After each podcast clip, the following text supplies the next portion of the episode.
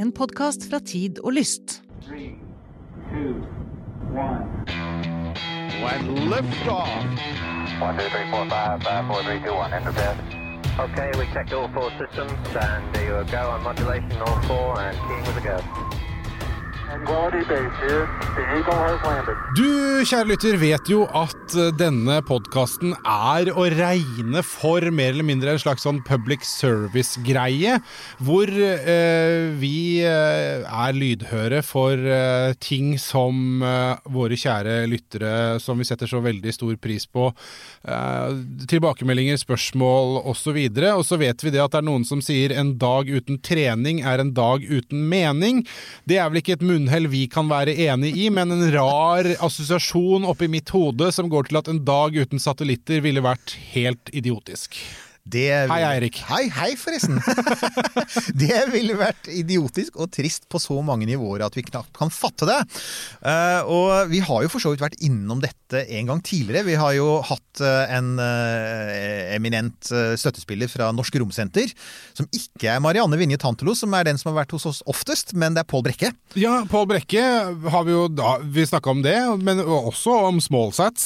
Og så har vi Smallsats, så vi, har, vi er i gang altså, med å ta dette utrolig viktige temaet med satellitter. Men så begynte det å dukke opp såpass mye sånn lyttespørsmål er sånn Dere må snakke Detaljerte. Ja, litt sånn. Dere må snakke med den og den der, og dere må snakke om KSAT og Telenor Satellite, og, og hva med Norge og satellitter i rommet, og ikke minst, hva med Starlink og megakonstellasjoner, som er sånne ting som vi må komme litt innom.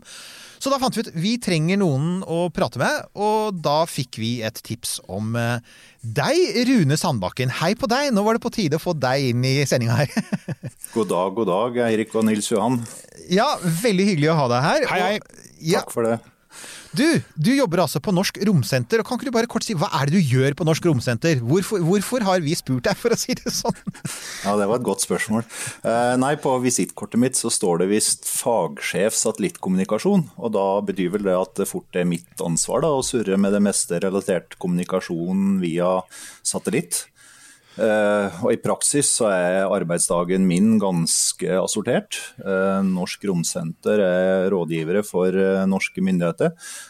Dvs. Si de fleste departement, etat og andre organisasjoner som trenger gode råd. og Vi må prøve å peke på de mulighetene som finnes. Og så representerer jeg og en kollega i Norge ja, Vi representerer Norge i ESA, den europeiske rombyrået. Eh, Og vi sitter i programstyret for telekommunikasjon og anvendelser, som heter Joint Communication Board på nynorsk. Eh, Og der forvalter vi alt som har med regelverk og arbeidsplaner for alt med FoU innenfor Satcom som eh, fellesnevner. Det gjelder både ting som skal ut i bane og det som skal brukes her nede på jorda. Akkurat. Og er det da nå, Rune, sånn at eh, som Nå holder jeg og jeg deg selvfølgelig ansvarlig for å vite alt om dette her, men eh, som den årvåkne lytter kanskje har fått med seg, så er jo ikke du fysisk her hvor vi er. Kommuniserer vi via satellitt nå? Nei, det vil jeg ikke tro. Nei, ok. Nei. Eh, Jeg sitter nå ikke så langt unna, selv om det er ute på bygda et stykke fra Oslo. Så her er det mest antagelige er det vel eh, diverse sånn fiberoptiske fiber, ja. Men det er- et eller annet sted i enden av en fiber så er det jo en satellitt, er det ikke det? Ja, altså Det er jo noe av poenget her. ikke sant? Det er jo det der med at, at det er satellitter griper inn i livene våre på alle mulige tenkelige og utenkelige måter. Altså, Som, som sagt, Pål sa jo det, liksom, han har jo hatt et foredrag, Pål Brekke, som var sånn eh, Tenk deg en dag uten satellitter. Og da tenkte jeg, da tenkte jeg faktisk Ja, men jeg husker jo faktisk eh, en verden med lite satellittjenester. Det gjør jeg jo. Såpass gammel er jo jeg. Jeg husker en verden før GPS, eh, for jeg er jo født i 64.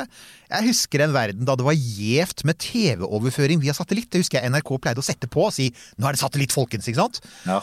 Og, og, og ikke, altså, så det er alle disse her fantastiske sånne små og store tjenestene som vi får via smarttelefonene, så nå vi bare tar dem for gitt, og så detter de ned via satellitt. Ja, men uh, sjøl når du sitter og bruker smarttelefonen din, så eh, hender det nok at du bruker satellitt eh, uten at du tenker veldig mye over det. Spesielt eh, når eh, vi prater om eh, navigasjon eller posisjonering. Ikke sant? Eh, da er du straks eh, ute og bruker satellitt. Men jeg tenkte sånn, sånn Aller først vil jeg si at vi sier satellitt, ikke sant? Men satellitter er jo ikke bare én ting. ikke sant? Det er jo Det finnes Satellitter har masse ulike funksjoner. Liksom, hva er sånn Du har posisjon. Du har eh, kommunikasjon, sånn type ja, sånn radiokommunikasjon med skip og fly og sånn. TV-satellitter. Har vi noen andre der ute som vi som bør ha med oss? Ja, vi pleier jo å dele dem inn i i hvert fall tre hovedkategorier. Da.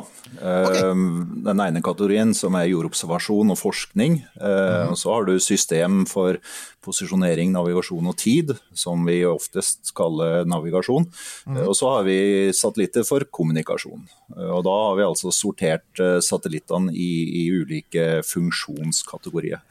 Så har du naturligvis en stor variasjon innenfor hver enkelt kategori.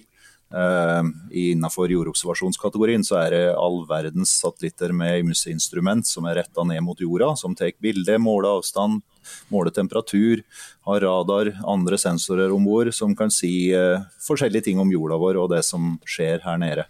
Brukes til værvarsling, miljøovervåkning, overvåkning ute på havet, over land, eh, og selvsagt enkelte brukes til spionasje. Og så har du forskningssatellittene som òg kan se utover i verdensrommet. Eh, med ulike teleskop og, sensorer. Nemlig. Eh, ja, der kom den, liksom. Ja. Eh, og så har du en litt mindre variasjon innenfor det som går på PNT og navigasjon, siden det stort sett er noen store globale eller regionale system som brukes, og som fungerer på ganske sammenlignbart vis. Og stygt sagt så er jo de eh, navigasjonssatellittene rimelig enkle satellitter som surrer rundt jorda og ikke gjør så fryktelig mye annet enn å skråle om hvor de er og hva klokka er, om at om at. Det høres ut Ja, nei, og det, nå er ikke de satellittene så enkle likevel. Da. Eh, Den klokka de har å støtte seg på er jo vanvittig nøyaktig, og, og jobben de gjør er jo eh, veldig viktig. Og så har de ymse tilleggsfunksjoner om bord som gjør at de har fått en enorm samfunnskritisk rolle for både sivile og militære brukere, bl.a. relatert til det som går på søk og redning, eh, både til havs og, og etter fly. Jeg Og så bare har kom du til å tenke- sist, ja. Ja. Nei, bare kom til Når du sa det der med, med, med at du scroller om hvor de er og hva klokka er. Altså, Jeg pleide å bo i Oslo sentrum, en av de mest populære uh, pubgatene i Oslo. Og det var sånn klokken tre om natten, natt til søndag. Det var akkurat det. Da var, da var det mye scrolling av hvor de var og hva klokka var. Så, så det er en veldig takk for den nye definisjonen av GPS, f.eks. Ja, ja fin den. Uh, innenfor telekommunikasjon, den tredje kategorien, eh, Ja. så er det jo i stor grad eh, to eh, hovedfunksjoner. Da. Det ene er kringkasting, dvs. Si å spre et signal fra Mm. ei kilde til mange mottakere. Eller så er det en andre type som er punkt-til-punkt-kommunikasjon.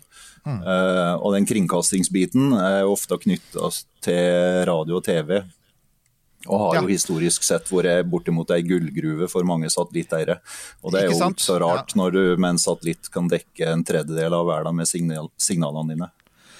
Ja, og det er vel det som Vi hadde jo en vi, Da vi hadde Marianne i studio, så var vi inne på dette her med at eh, Altså, Satellittbransjen er jo egentlig brorparten av den globale rombransjen. ikke sant? Det er liksom mesteparten av omsetningen, og ikke minst den kommersielle delen, det som ikke er NASA og det militære. Over er veldig- 70 Ikke sant? Det er over 70 Ja. Så da tenker jeg, Og det er, og my, veldig mye av det er TV, ikke sant? Ja, har vært Ja. det. men Eh, hei- men, men nå er det på tur over til å bli mer på eh, punkt-til-punkt-kommunikasjon, da. Ja. Jeg har et spørsmål.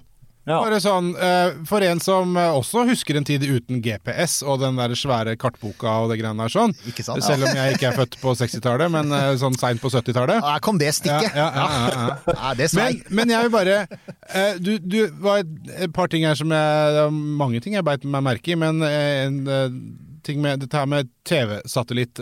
og du sa du satellitteier. Er det da sånn at fordi jeg husker jo at det var noen jeg kjente som hadde parabolantenne og fikk eh, TV 1000 og alt det greiene her på satellitt. Er det da sånn at det var ett firma som eier den satellitten, og så leier alle TV-kanalene da litt plass eh, på disken? Typisk. Det er sånn det funker, ja? rett og slett. Ja. Telenor er jo en satellitteier eksempel, og har, har flere satellitter i, i flåta si. Eh, og så er det selskap eh, som da leier kapasitet eh, over eh, et definert stykke tid, eh, og kan da bruke den kapasiteten til å, å sende f.eks. Eh, noen TV-kanaler og eh, et stort antall radiokanaler. Ok, ja, Nei, men Da fikk jeg svar på spørsmålet mitt. Ja. Takk. Men det er jo da, altså, men Telen, de satellittene som, som Telenor er med på, som er, er drifter eller operatører av, da, er det satellitter som er norskbygde, eller er de med på et sånt, holdt på å si et internasjonalt lag, eller har de kjøpt dem i utlandet? Hvordan fungerer det egentlig? Ja, nå var jeg så heldig og ble faktisk ansatt i Televerket rett etter at det var ferdigstudert i eh, 1992. Så dette kan du! ja. Og da, da ble jeg ansatt i Televerkets satellittenhet og var med å bygge opp eh, drifta av eh, de norske Thor-satellittene fra, fra den spede starten på begynnelsen av 90-tallet. Og da kjøpte Televerket sin første satellitt brukt ifra B-Sky-B. Den het Marco Polo 2 og ble omdøpt til Tor 1. Eh, Men etterpå så ble eh, senere satellitter designa spesifikt av Telenor eh, og kjøpt nye. Og. Og da er de bygd av selskap langt utenfor Norges grenser, men det slumper jo til å være et norsk teknologi om bord på noen av dem, f.eks. på Mm. på Tor 7. Ja, unnskyld meg, men de kjøpte satellitten brukt. Uh, Ja, det, hvordan det, Men den hadde, den hadde ikke vært der oppe? Eh, Jo, den var, hadde vært på himmelen i to år. Og blitt henta ned igjen? Nei da. Å Eh, nei, oh, nei, så, nei, nettopp så den var der oppe. Oh, sorry. my, my bad. Jeg bare lurer på hvordan foregår det bruktmarkedet for satellitter? Ja, nemlig. Så den er der oppe, og så, bare, så, så bytter den eier, rett og slett. Uh, ja. Ja. Men uh, litt artig historie der, det var jo at uh, i et av de her tidlige satellittkjøpene våre i Telenor, så, så ringte det noen fra tollvesenet som mente at den satellitten vi hadde kjøpt, den var innført i Norge. Og det kunne vi berolige tollvesenet med at det var den slettes ikke. Nei. Å, jeg liker at de også må mene noe om det! Ja, men er, jeg følte meg akkurat nå like smart som tollvesenet må ha gjort, så jeg, jeg, jeg, jeg følger med tollvesenet her. Men du, det fins jo også noen um, Vi har også noen norskbygde satellitter som vi har vært litt opptatt av å fortelle om, ikke sant? Altså, eh, blant annet en som heter AES-SAT. Ja. Som, som, som jeg husker fikk en del oppmerksomhet. Er, er, den, er den i drift fremdeles? Eller de, eller også, åssen er det? Ja, det er den. Ehm, og som, som, som du sier, så, så har den eh, vært eh, på himmelen en stund. Den ble skutt opp i eh, 2010. eh, sommeren 2010. Eh, og den, som navnet røper, så, så samler den inn AIS-signal fra skip. Og da må vi si, hva, hva, hva er AIS, bare sånn i tilfelle noen der ute ikke vet? Ja, AIS eh, det er så enkelt som et antikollisjonssystem for skip. Ah. og Det er egentlig ment for å utveksle informasjon mellom skipa og fra skip til kyststasjoner. Men eh, så var det noen lure og nysgjerrige FFI-forskere da, på begynnelsen av 2000-tallet som mente at eh, de signalene her kunne vel også fanges opp av, av satellitter på himmelen. For å kunne se skipa langt ut på havet. Og etter at de hadde fått testa litt med fly og ballong, så ble vel konklusjonen at jo da, det her skulle gå helt fint, det. Og den virker den dag i dag. Eh, Den begynner nå å dra litt på åra og, er ikke fullt så sprek i, i svingene lenger. Så um, den, den samler ikke opp informasjon hele tida. Men uh, den har jo fått uh, søsken på himmelen òg. I 2014 så, så ble broren eller søstera, jeg er ikke sikker på om det er hun eller hannkjønn. Nei, hva er det i rommet? Det er, Ja. på, på, på sjøen er det damer, men det vet jeg faktisk ikke. Hva, Nei, det er jeg søren ikke sikker på. Nei. Eh, Men eh, det er Tor, da. Thor er- Ja. Tor, ja. Tor er klar. Ja, Tor er klar. Tor er han. Nei, så, så den søstersatellitten, som er akkurat like stor eller like liten på uh, Det er en kube på 20 ganger 20 ganger 20 cm og ca. 6 kg. Uh, og flyr 600 km over oss. Og samler inn uh, tusenvis av skipsposisjoner og informasjon fra skipene på alle verdens hav. Jeg kom faktisk over dette ved en tilfeldighet her en dag, for jeg var litt opptatt Jeg følger jo litt med på diverse rakettoppskytinger og landinger. Og, og Rocket Labs, disse som driver på i småsatellittmarkedet nede på New Zealand, de skulle nettopp drive og teste og, å, fange inn et førstetrinn som de hadde sendt opp, og som så skulle dale under fallskjerm og lande i, i havet utenfor New Zealand. Og da drev folk og satt og Da satt de faktisk på Twitter og sa Hva er AES-koden til denne båten? De, for de var veldig opptatt av å finne ut hvor dette skipet var, da.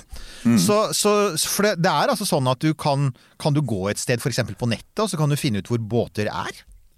Det hørtes Ja, sånn ut. Du har i hvert fall ei åpen tjeneste som heter Marine Traffic, eh, og der kan du finne ganske mye. Eh, De har vel en betalingsmur som sørger for at du kanskje ikke får oppdatert og får tak i informasjon om alt som er langt ute på havet. eh, I hvert fall ikke sånn i nær sann tid, da. Men eh, det er definitivt mulig, ja. Det, er- da vet jeg hvilket nettsted jeg skal henge på i kveld. Hva? Finn ut hvor båten er. Ja, men Flight Raider, alle, alle Ja, ja. vet jo det. Flight Raider, som er det samme for lufttrafikken, er jo kjempekult. Ja, Hallo. ja, jeg har ikke prøvd det. Hva? Nei, nei. Ja, ja. Men jeg har bare, bare et, spør et spørsmål, og dette her eh, tror jeg egentlig at jeg har lurt på ganske lenge, eh, Rune. Dette, eh, fordi eh, Tor-satellittene ja. har de noe å gjøre med Man hører om dette dark web, eh, Tor-browser og sånn. Har det, har, henger det sammen? Nei, det har jeg ikke lov til å kommentere. Du, det går ikke an å si det, og så og Tidligere så brukte de ordet spionasje også. Det Vi er, vi er allerede der med sånn hvis han sier for mye må han drepe oss, Nils Johan. Så jeg tror vi stopper der, jeg. Ja. Ja. Ja. Nei, Nei, det, det har ikke det. Nei, okay. Nei, det har Men- ikke det. hvordan er det med altså, vi er jo, Det skjer jo ting hele tiden. altså Rombransjen er jo et spennende sted for tiden. Det er jo delvis derfor vi driver denne podkasten, for det, det skjer jo så mye artig. Er det noen andre satellittprosjekter som du veit om som, som vi skal holde på med i Norge, som, eh, ja, som vi er involvert i eller driver og bygger nå framover? Og som du kan fortelle om, da. Ja, Som du kan fortelle om uten å drepe oss? Å ja, eh, det er faktisk veldig mye. Um, Så per i dag så har, har vi Thor-satellittene, som jeg allerede har, har vært innom. Eh, Og av de så er det tre satellitter på himmelen. Og så har vi de små som eh, Norsk Romsenter har vært involvert i. Eh, Og der er det fire eh, satellitter på himmelen. ISSat 1 og 2 og Norsat 1 og 2. Um, Så har vi en ferdigbygd satellitt som ligger og støver på ei hylle et eller annet sted, sannsynligvis i Canada. Og den skal etter planen opp tidlig i neste år. Den skal opp med Vega eh, flight nummer 18, eh, men siden rakettoppskyting er litt risikofylt, så er det blitt veldig usikkert om, om det blir eh, med Vega. Eh, Ja, fordi at den falt nettopp ned, gjorde den ikke det? Eller det, det gikk feil? Flight nummer 17 som gikk Ja. opp eh, mandagen for ei uke siden, flaug i åtte minutter ca., og så gikk det litt gærent, ja. Så da, eh, da eksploderte skiten, og så var det bye bye, og da, da blir det fort eh, forsinkelser, da. Så time vil show, som det heter i Flåklypa. Men så har vi en Ja. Nei, jeg tenkte bare jeg skulle si at Da har vi jo lært at det, det finnes jo noen som driver med sånn satellittgreier som relativt, har en relativt grei sånn uh, suksessrate når det kommer til oppskytninger, da, som det er mulig å leie plass på. Riktig. Hint, hint. ja da. Men vi har, eh, vi har flere ting eh, under, ja. under arbeid. Og vi har en ordentlig sveitserkniv av en satellitt under bygging uh, som heter Norsat TD. Eh, TD står for Tech Demo, og der er det planer om et rikt utvalg av teknologi som skal demonstreres. Både norsk og eh, nederlandsk og italiensk og fransk osv. Um, der skal det både ny AIS-mottaker, ny VDES, eh, sender og mottaker, som kan gi toveis toveiskommunikasjon til og fra skip. Meldinger av, ganske sånn eh, moderat størrelse. Eh, litt høypresis posisjoneringshjelp for satellitter. En eh, optisk nedlink. En italiensk optisk satellittreflektor. Fransk liten jonemotor som går på J eller salt. Og sikkert mer som jeg har glemt. Alt klemt inn i en satellitt på under 30 kg. Og det her blir vel i 2022 eh, at den skal opp, da. Og så jobbes det på NTNU med to små satellitter som heter Hypso og Selfiesat. Så kan dere jo tenke dere hva den siste skal gjøre. Um, og den bygges stort sett in-house, ja. Det er, det Der er må jeg bare si en ting. Jeg bare, du skal straks få si det, Nils Johan, men jeg må si det før jeg glemmer det. Vi fikk en mail bare for noen minutter siden som en respons på eh, den foreløpig siste sendingen vår, som jo var Marianne som snakket om jobbmuligheter i romfarten. Og det du sier her, Rune, er jo at det er vanvittig med jobbmuligheter i romfarten, ikke sant? For det er jo så mye som skjer. Ja, eh, og Ja. det her var jo bare innafor et lite spekter av de satellittene som er under planlegging. Det jobbes med flere satellitter på FFI, det jobbes med satellitter hos Space Norway osv. Wow. Ja. Så, så, men her er poenget. Det, var, det kom en mail fra, fra Patrick, som holder til, som er Hei, dere på Romkapsel. Digger podkasten. Storkos meg, selvfølgelig. Det sier han jo, det sier jo mange. Det er hyggelig å høre. Men på vår siste podkast, den med Marianne, så var det ett prosjekt vi glemte, og det var blant annet prosjekt Selfiesat. Det er Ja. altså Han er systemingeniør på Orbit NTNU, som du sikkert har hørt om, Rune. ja. Studentbedrift som har som mål å lage Norge førstes operative studentsatellitt. Selv det fins, folkens. Jeg mener, Ja. Det skjer så mye kult! Så jeg vil bare Ja, ja. si det, Patrick. Nå er dere, dere, dere er ikke glemt, dere er faktisk nevnt veldig raskt. Vi leverer. Kan jeg bare Ja. eh, eh, Litt sånn bitter gammel gubbe her nå for Ja. meg, men eh, eh, en liten grad av resignasjon over at det faktisk er noe som heter selfie-satt. Eh, bare det er sånn blogger eh, Litt eh, sure oppstøt fra meg bare akkurat der. Men, men jeg, jeg skjønner jo, det er jo kult det at den, den skal ta bilder av jorda. Det er åpenbart. Eh, hva, er, hva er liksom zoom-raten på den? Vet du noe om det? Så er det mulig å få tatt en selfie hvis man steller seg opp på en fotball, fotballbane, liksom. Ja, Jeg må nok klippe på enkelte av oss, da. Ja, ja, ja. litt sånn pouty face og sånn. Jeg tror faktisk at uh, Jeg tror at jeg vil fylle noen piksler, da, for å si det sånn. Koronapiksler kaller vi det. Uansett. Um, vi Jo, vi, en, vi må Det er en liten ting Altså Det som sagt skjer masse i den internasjonale rombransjen. Skjer masse i den norske rombransjen. Og vi har jo selvfølgelig snakket flere ganger om Andøya Space. Som de vel nå heter. Det er litt sånn variabelt hva de heter. Men uansett. Eh, dette med at vi da får Vi nå får et oppskytingsanlegg, Rune. Altså, I første omgang så virker det jo som det, man, altså man skal jo levere det, man skal jo tilby dette til internasjonale kunder. Men tror du dette også liksom kan bli viktig for hele den norske satellittbransjen? Altså At det blir en sånn synergieffekt her med at nå har vi ikke bare muligheten til å bygge satellitter, men vi kan sende dem opp selv òg? Ja, definitivt. Ehm, Det er jo eh, Det har jo vært en mangel i, i mange år eh, etter små raketter som, som på en eh, mer dedikert måte kan være med å, å, å skyte opp en eller mange små satellitter. Mm. Og jeg tror nok definitivt at, at det er et udekka marked. Mm. I dag så er det jo som, som Nils Johan vel hinta om, så er det noen som, som tilbyr litt plass på, på store, ganske solide raketter over dammen. Eh, Men eh, det har vært etterspurt eh, en større fleksibilitet, slik at det går an å få skutt opp eh, satellitten sin langt raskere i ei dedikert bane, f.eks. Eller om du har flere satellitter som du vil ha opp. Det er jo satellitter som er helt ned i 400 gram. Eh, og Da går det an å stable en, et snes eller mer av de om bord. Og da tror jeg definitivt at eh, både for internasjonale aktører og for norske aktører blir, blir interessant med ei, ei base på, på norsk jord. Ja, ikke sant? Mm. Ja. Ja, ja, jeg har eh, Altså, du, du nevnte jo innledningsvis også at du eh, har ansvar også for eh, regulering og, og sånne ting i forbindelse med satellittmarkedet. Tenker du da, Rune, at når dette her Når, når i hvert fall potensialet for å skyte opp satellitter i hytt og uh, nærmest gevær.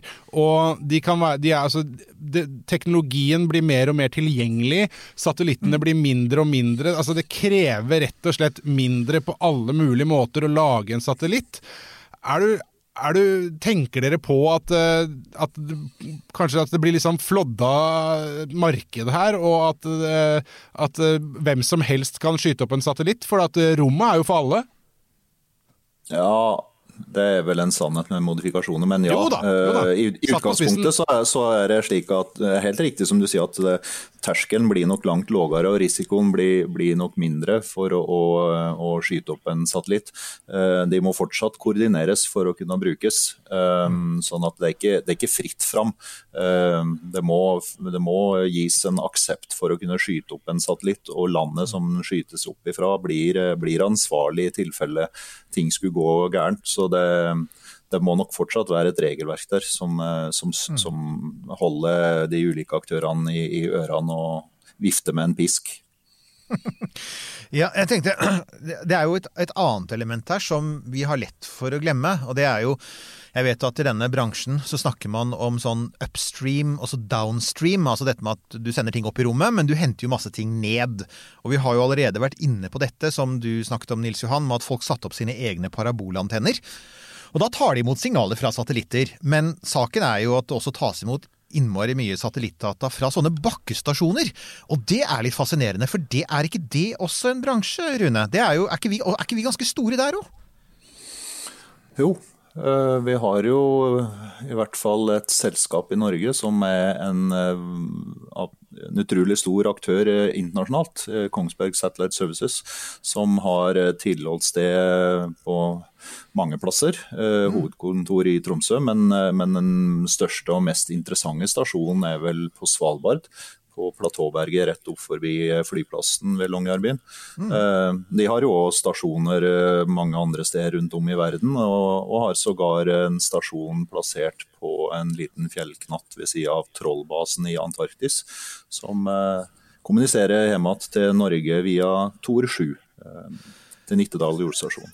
Ja, vi, det har, eh, vi har mange jordstasjoner i Norge, ja da. Det er akkurat det, og det er jo sånn ting som man Det er liksom lett å, å tenke på at ja, dette går jo av seg selv, og de sender nede signaler, men det gjør det jo altså Igjen, det går ikke av seg selv. Du har, du har spesifikke radiofrekvenser, ikke sant, som du må forholde deg til. Altså, du kan ikke bare sende på hvilken frekvens du vil, og når og hvordan du vil. Du må jo forholde deg til nettopp en sånn at det er, det finnes, det, også dette er regulert. Ja, ja. Eh, Så det, alle, alle som skal etablere en, en jordstasjon eller, eller ha opp en satellitt eh, og skal kommunisere enten opp eller ned på radiofrekvenser, må, må søke å, å koordinere bruken gjennom eh, den internasjonale teleunionen ITU. Kan jeg bare få lov til å skyte inn en liten ting her nå? Fordi ved flere anledninger så har jeg da altså kjørt rundt på landeveier i eh, deler av landet, i hvert fall. eh, Hovedsakelig på Østlandet. Eh, Blant annet da rv. 4 eller noe sånt omtrentlig der rundt og Nittedalstraktene. Og så husker jeg første gang jeg så skiltet til Nittedal, eller jordstasjon, står det. Og da skjedde Jordstasjon? eh, hæ?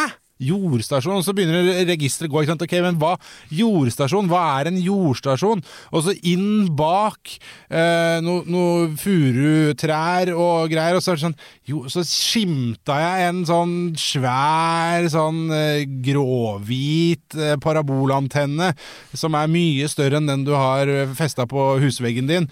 Og så skjer ah, Akkurat! Det er det en jordstasjon er! Det er jo der man henter ned signaler fra satellitter. Takk! hodet mitt for at jeg fant ut av det.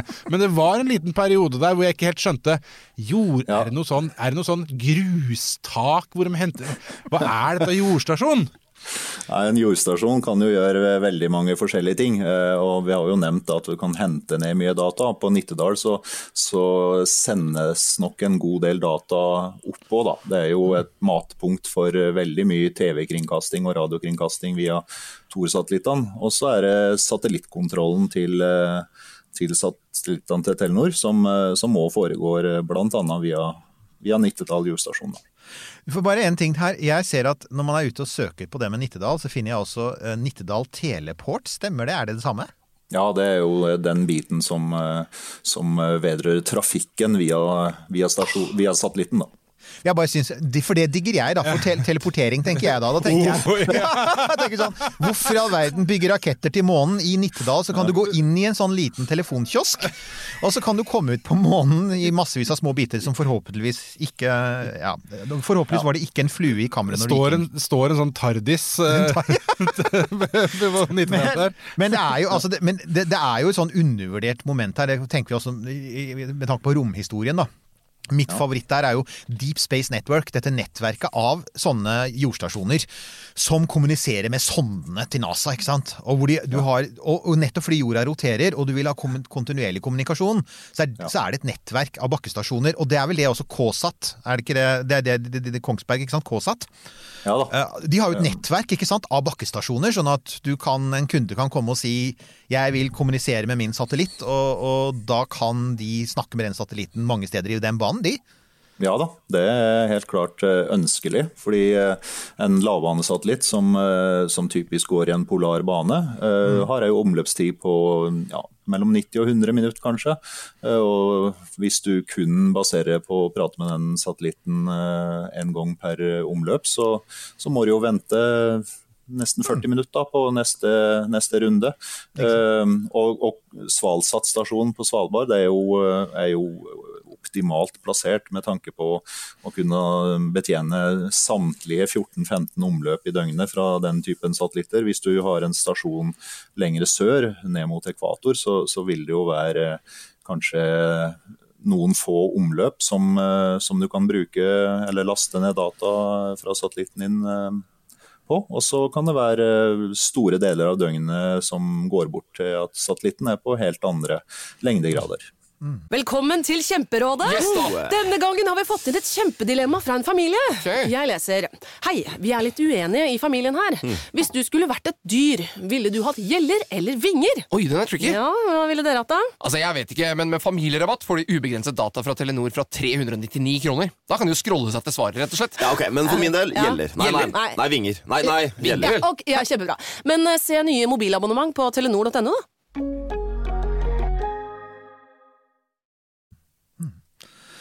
Så, så vi er altså der at eh, ak akkurat der vi er nå, så er det, er det hvor mange? Er det noe sånt som 3000 eller sånt, noen aktive satellitter i banen rundt jorda? Er ikke det sånn rundt regna? Tem, temmelig nær der, ja. Mm. Ikke sant?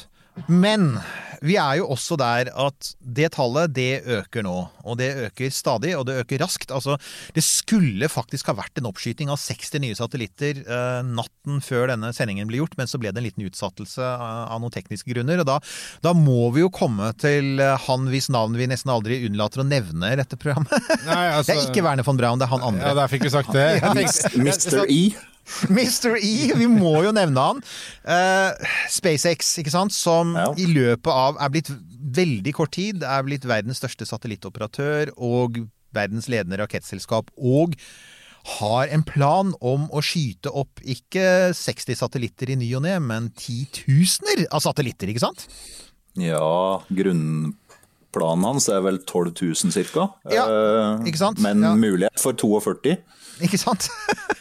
og, og dette er jo da det som heter megakonstellasjoner. Og dette er også noe som mange av våre lyttere er blitt litt opptatt av. For at kan vi si det sånn at dette har vi ikke hatt før. ikke sant? Altså, Vi har hatt nettverk av satellitter. GPS-satellitter er f.eks. sånn Jorda er innhyllet av en haug med satellitter som går som en sånn en, en sky rundt jorda, som hjelper oss å holde posisjon.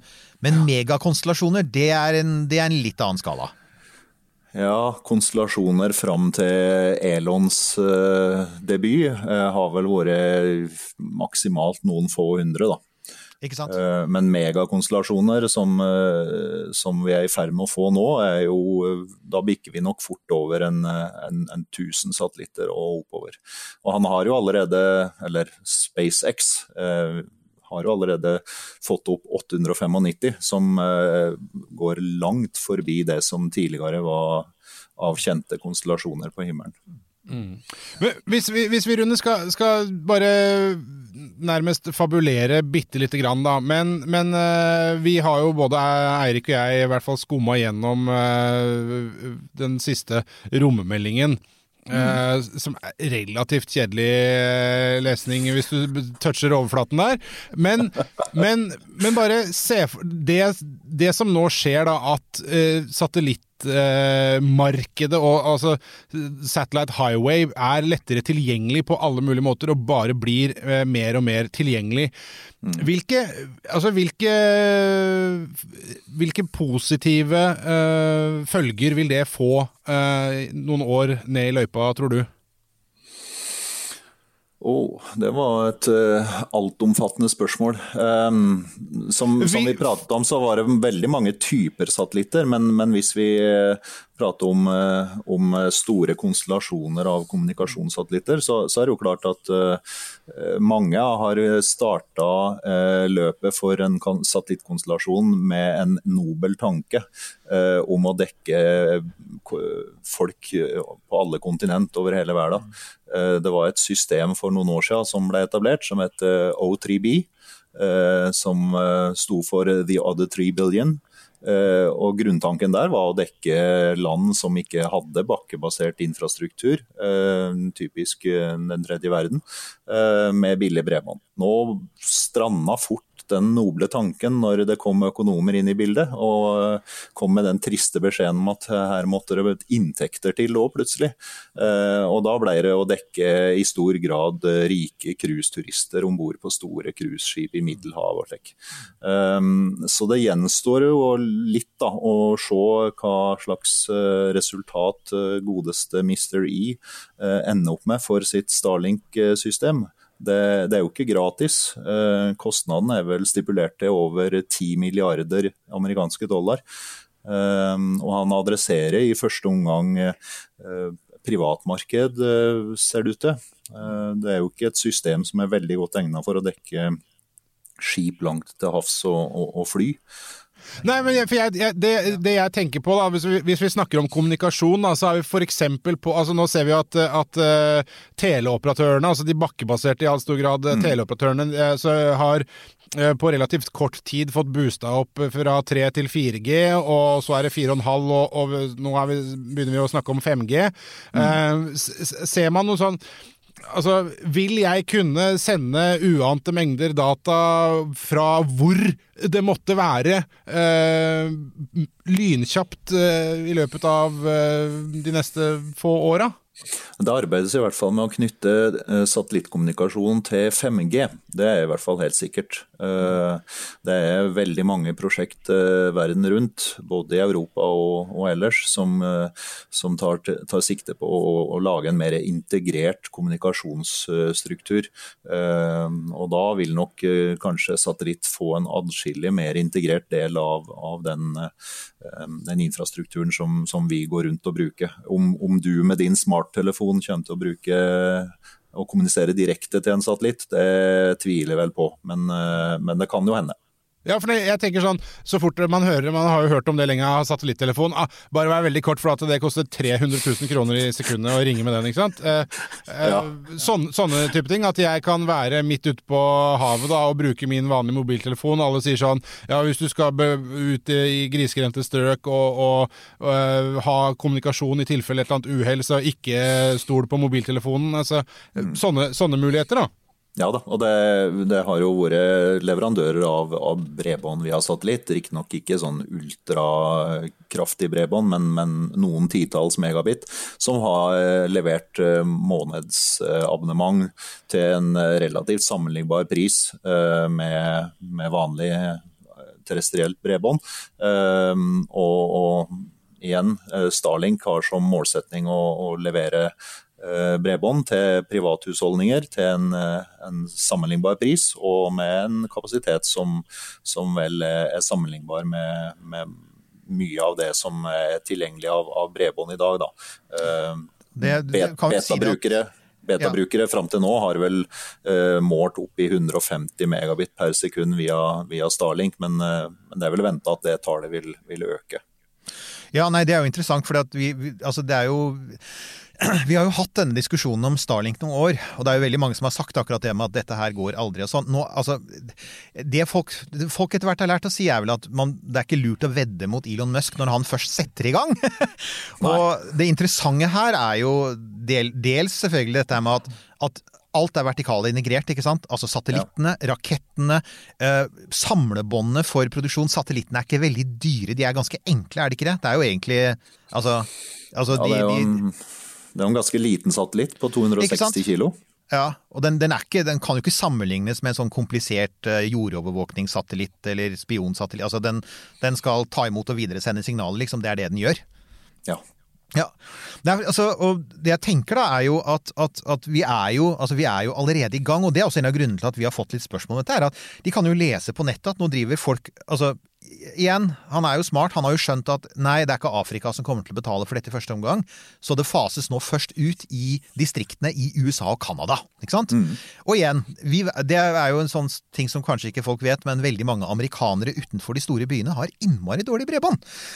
Altså, Ja, du- vi er ganske du- skal jo ikke langt eh, fra Norges grenser, eller, eh, som jeg sa innledningsvis, så sitter jeg i programstyret i ESA, og, og nå i disse koronatider så, så sitter vi på, eh, på sånne programstyremøter, og det er ufattelig dårlig eh, kapasitet og kvalitet på forbindelsene til Tyskland, til Italia, til Luxembourg, Frankrike. Frankrike. Det er akkurat det. Så det, som slo meg, var at, at, at ja, du, du, som du sier, det starter med denne noble tanken, og så har noen nå oppdaget at nå er det kanskje, kanskje er vi kommet dit i markedet at vi er passert et sånn vippepunkt hvor vi er blitt så virtuelle, og hvor vi ønsker å ha så mye bredbånd hele tiden, at i motsetning til på 90-tallet, da, så fins det nå faktisk et marked, og et marked som til og med kan tenkes å betale. Så det blir jo det blir jo veldig spennende å se, da.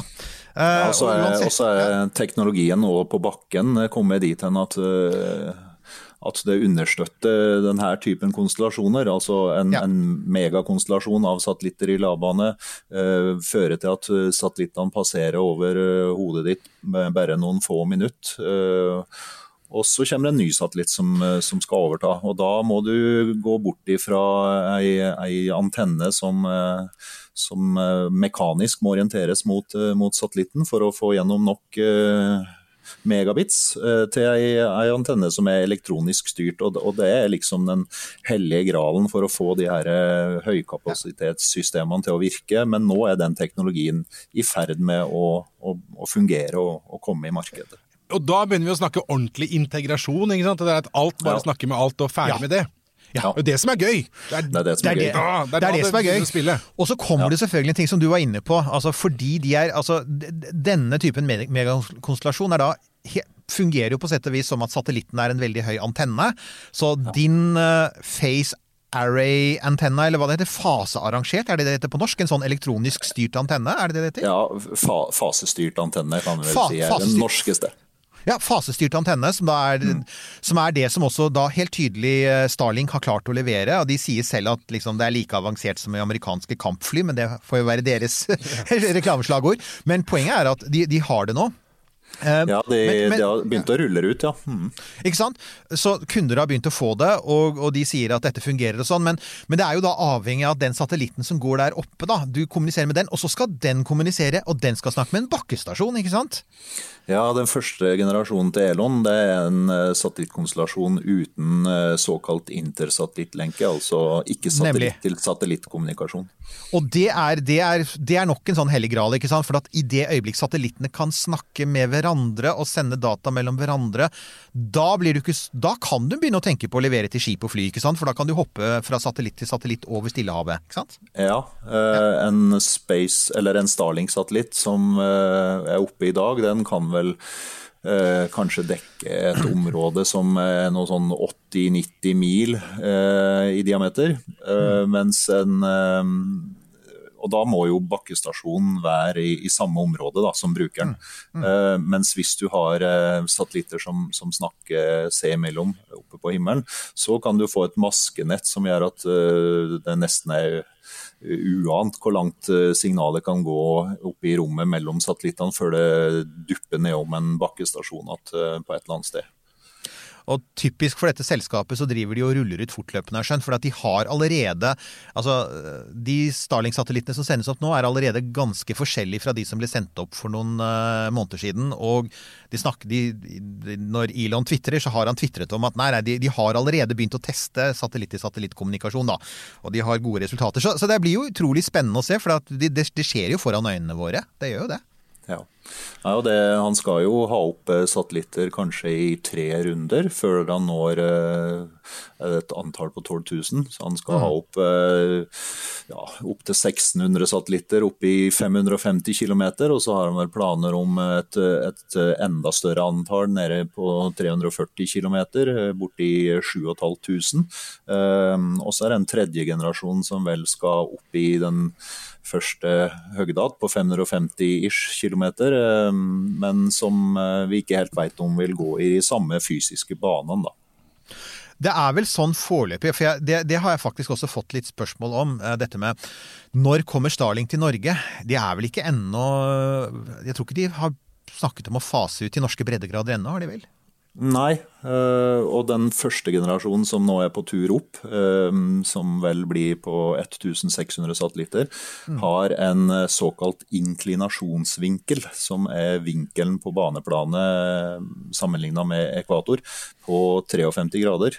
Og Det betyr samtidig at satellittene, når de er på sitt nordligste punkt i den bana, så er de på 53 grader nord. Eller 53 grader sør, da. Og ja.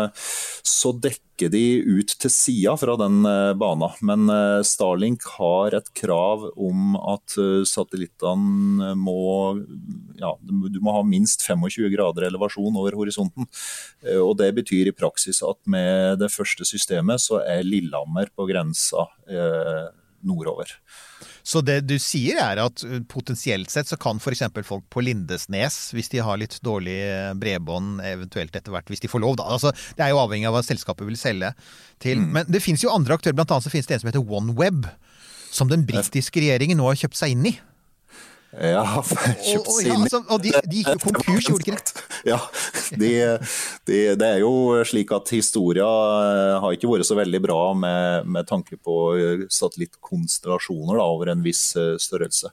Mm. Eh, Vi har jo system som både Iridium og Globalstar og, og, og flere til, Teledesic, eh, som alle har gått over ende på et tidspunkt. og og gjenoppstått eh, flere av dem fra de døde. Eh, og OneWeb ble helt riktig som du sa, eh, de måtte søke beskyttelse fra kreditorene sine i tidlig i år. eh, og er vel kjøpt av britiske myndigheter og et indisk-britisk investeringsselskap. Så det blir veldig spennende å se hva, hva som gjenoppstår i, ifra aska eh, etter Ikke sant?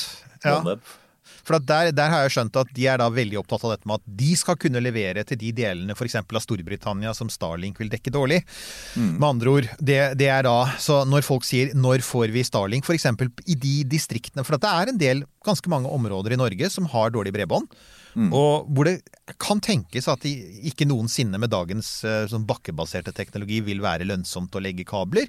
Og da kan man Ja. tenke ok, kanskje satellitt er løsningen. Og da så det er ikke utenkelig. Det kan tenkes at det kommer en konstellasjon til dere, i, ikke over dere. Og så slår det meg det at eh, da Lindesnes kommune kommer til å få sånn flyttemelding fra, Eirik Knut eh, så fort eh, Starlink-nettet er tilgjengelig der.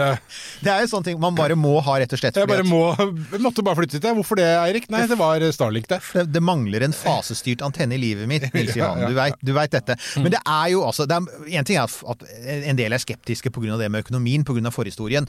Det er også mange som ikke liker dette pga. hva det Altså rett og slett antallet. Det må vi nevne her. Og det er rett og slett Altså i dag så så jeg var Jeg er jo alltid innom Twitter-kontoen vår. Vi er jo ikke sant, romkapsel på Twitter, og jeg sjekker kontoen vår. Jeg sjekker de jeg følger de vi følger. Og det var en i dag, en, en, en newzealandsk astronom, som sa jeg så at, eh, jeg så at den siste SpaceX-oppskytingen var blitt scrubbed, som det heter på romspråket. Altså den var blitt avlyst. Det var Starlink-oppskytingen sa. Det er De eneste oppskytingene jeg er glad for blir scrubbed, er Starlink-oppskytinger, sier hun. Og det er fordi at Starlink fyller himmelen med så mange tusen satellitter at bakkebaserte astronomer er dypt bekymra for om deres vitenskap kommer til å overleve sånn som den er i framtida. Så det, jeg kan si at det er store aktivistgrupper og hatgrupper der ute, for å si det rett ut. Eh, og, og Starlink er faktisk blitt tvunget til å endre litt på satellittene sine. De har annet begynt å male dem mørkere for å gi mindre refleksjon. For ikke å skape Ja, å- Ja. De har en eh, satellitt eh, oppe som vel kalles DarkSat, så der fikk du den. Ja, for et navn!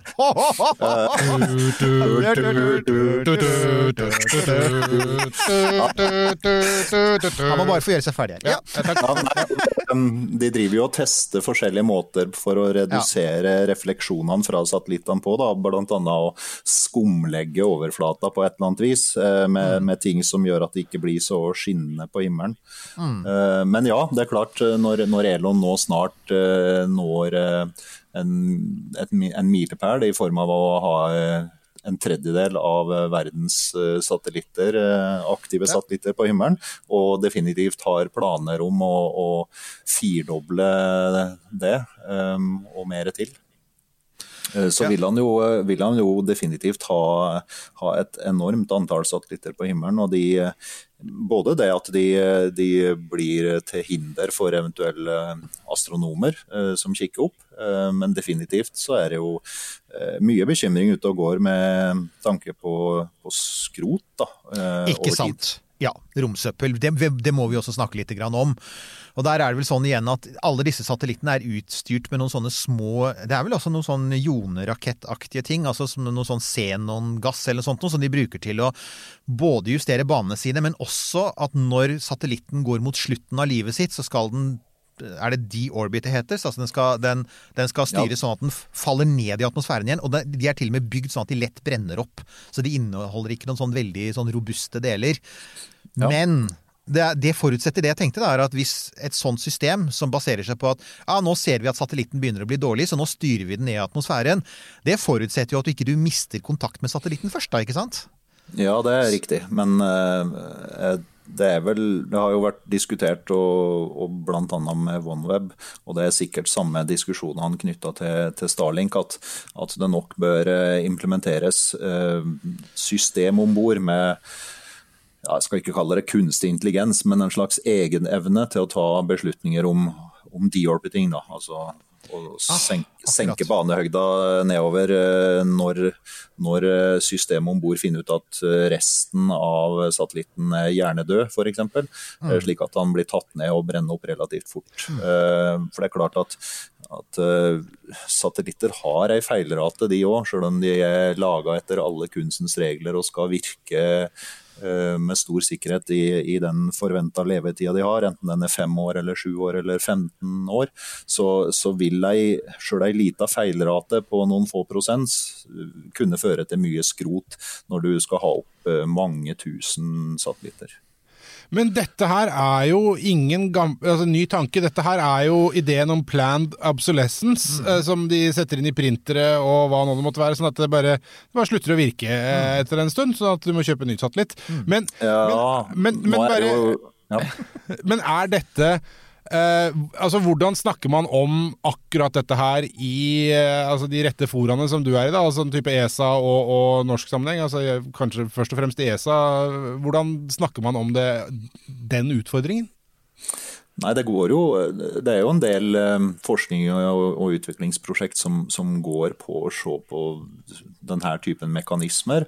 Eh, så er det forskjellig type teknikk som, eh, som kan implementeres. Det går jo an å, å tenke seg at man må, må eh, implementere thruster-system med egne drivstoffkilder om bord, som, som rett og slett ikke kan brukes til noe annet enn å, å ta satellittene ut av bane. Eh, Det er klart Hvis du, hvis du har en, en, en tank med drivstoff og, og har lyst til å holde satellitten i live litt lenger, eh, så kan det hende at enkelte røvere blir frista til å, å bruke vel mye av det drivstoffet og ikke ha igjen så mye til, til en, å avslutte livet.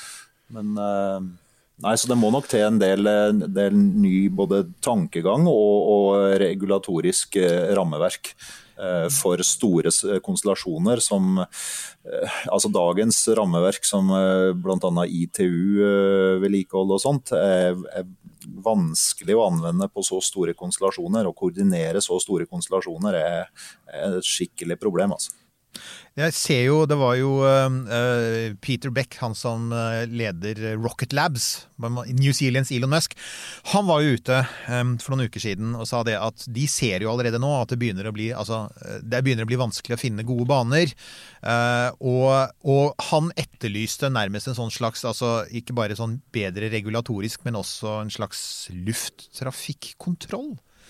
Eh, for, ja. Eh, for altså, altså, På samme måte som du har for fly, ikke sant? og for, for skip også. For hvordan er det egentlig i dag? Altså, eh, altså, vi, altså det, Finnes det et internasjonalt organ som på en måte veit hvor alle satellitter er, og som, som sørger for at, som du, sa, som, som du sier, over, overvåker det?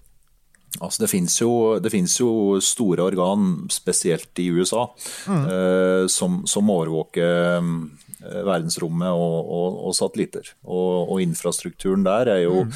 uh, satt opp med både å håndtere romvær og sånn uh, nærdeteksjon uh, knytta til asteroider og kometer, men òg space traffic monitoring, altså orientering av mm. hva det er som er ute og flyger rundt jorda av, av satellitter og, og, romskrot, for så vidt. og det er en økende interesse for akkurat det temaet. Mm. Både i Europa og, og, i Norge, for så vidt. For å rett og slett holde en mye bedre kontroll på hva det er som passerer over eh, norsk territorium. Mm. Mm. Ja, nei, altså jeg tenker bare, jeg, jeg, sitter her og føler sånn intenst behov for liksom sånn gjenopprette min egen ære litt her. fordi at jeg tidligere i denne samtalen kom til å si noe om at denne Thor-satellitten kanskje hadde vært nede på bakken før den ble sendt opp igjen. Ja, ja, ja. Det, det, var, det, fantes jo faktisk et fartøy som kunne gjøre det, nemlig romferja. Den var jo i stand til det, så ikke, ikke å forglemme. Og det har faktisk, det, bare for å si det, det har faktisk også vært tenkt rundt det. Altså ideen om at man har en Kanskje etter hvert får en sånn koordinert aksjon for å gjøre noe med det romsøppelet som allerede er der. Altså de satellittene som allerede driver dødt omkring der oppe og kanskje styre dem ned på et eller annet vis. Kanskje til og med hente noen av dem ned hvis de er verdifulle. Det var liksom på ja. Ragn Sells, som kjører opp en container. Så det kan jo hende at det en dag Nils Johan blir sånn! Det er ikke noe å le av en dag. Det, så kan det være at man, man får en sånn der Clean up, clean up crew? Clean up crew, Og så har du satellitter på billigsalg som kan, kan gå opp igjen. Ja. romferga redda jo en, en eh, gammel satellitt eh, for mange herrens år siden. Bytta mm. motor på den og, og sendte den ut igjen, og det, den virka fint i mange år, den.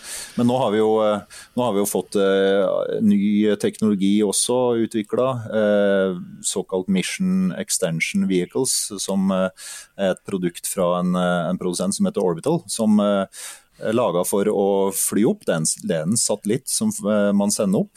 Flyr bort til kundens satellitt og kan styre den satellitten ved å klemme seg fast og overta motorkontrollen i fem år. Og så flyr den videre og hjelper neste satellitt i, ytterligere wow! fem år. Og Telenor skal jo bruke en slik en fra, fra neste år av i, fem år framover. Så kunne man jo tenke seg at en sånn teknologi også kan brukes til å ja, eh, tilnærme seg satellitter og, og ikke, ikke, tar dem med videre. Men uh, hanker dem inn i en sånn Svarte-Maria-sak. Ikke sant? Ja. Rett og slett ta dem, Om ikke noe annet styre dem ned til sånn kontrollert ødeleggelse.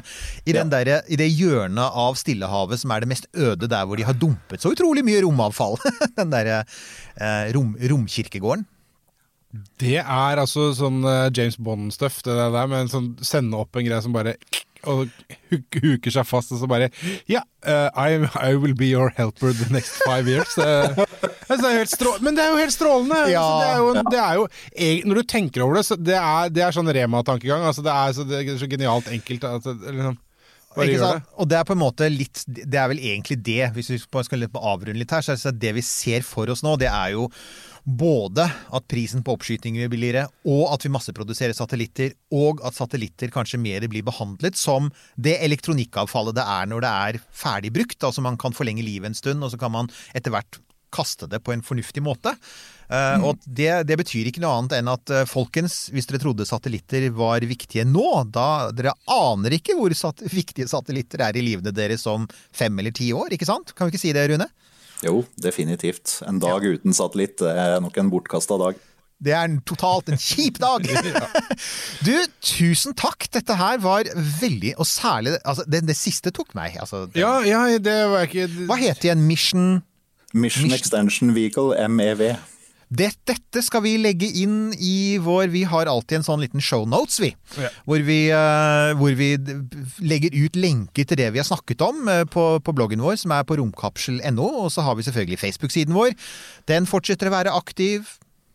Ja, eh, Instagram eh, kommer det jo innimellom et bilde i ny og ne. Eh, Følg oss gjerne der. Har du spørsmål, gå aller helst til Facebook-notatet der, for da får du direkte kontakt med Eirik, som har svaret. Jeg har bare rare spørsmål og radieringer. Og så må vi ikke glemme at vi fremdeles har både T-skjorter og vi har kopper. Det har vi. En liten oppdatering derfra. Ja.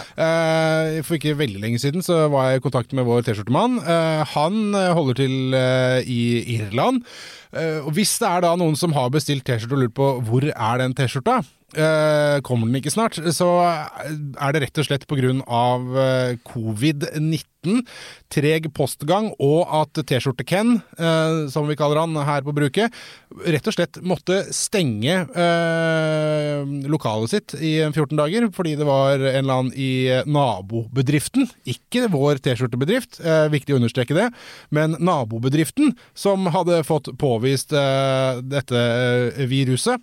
Uh, og der ble det stengt. Så det, det er litt lag, uh, delay, der på forsendelsene da, var det sagt. Men eh, tusen takk til alle som kjøper eh, være seg kopp eller T-skjorte. Og så ser vi fram til den dagen da Nittedal Teleport faktisk teleporterer ting. Ja. Da så kunne vi bare gått kunne vi fra Irland eller hvor det var, så kunne vi hentet en T-skjorte som var gått via satellitt i rommet, og så hentet ned til bakken igjen. Og, Pick-up point i Tardisen på Nittedal.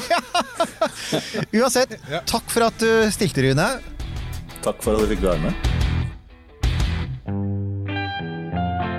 Denne Podkasten er produsert av Tid og Lyst.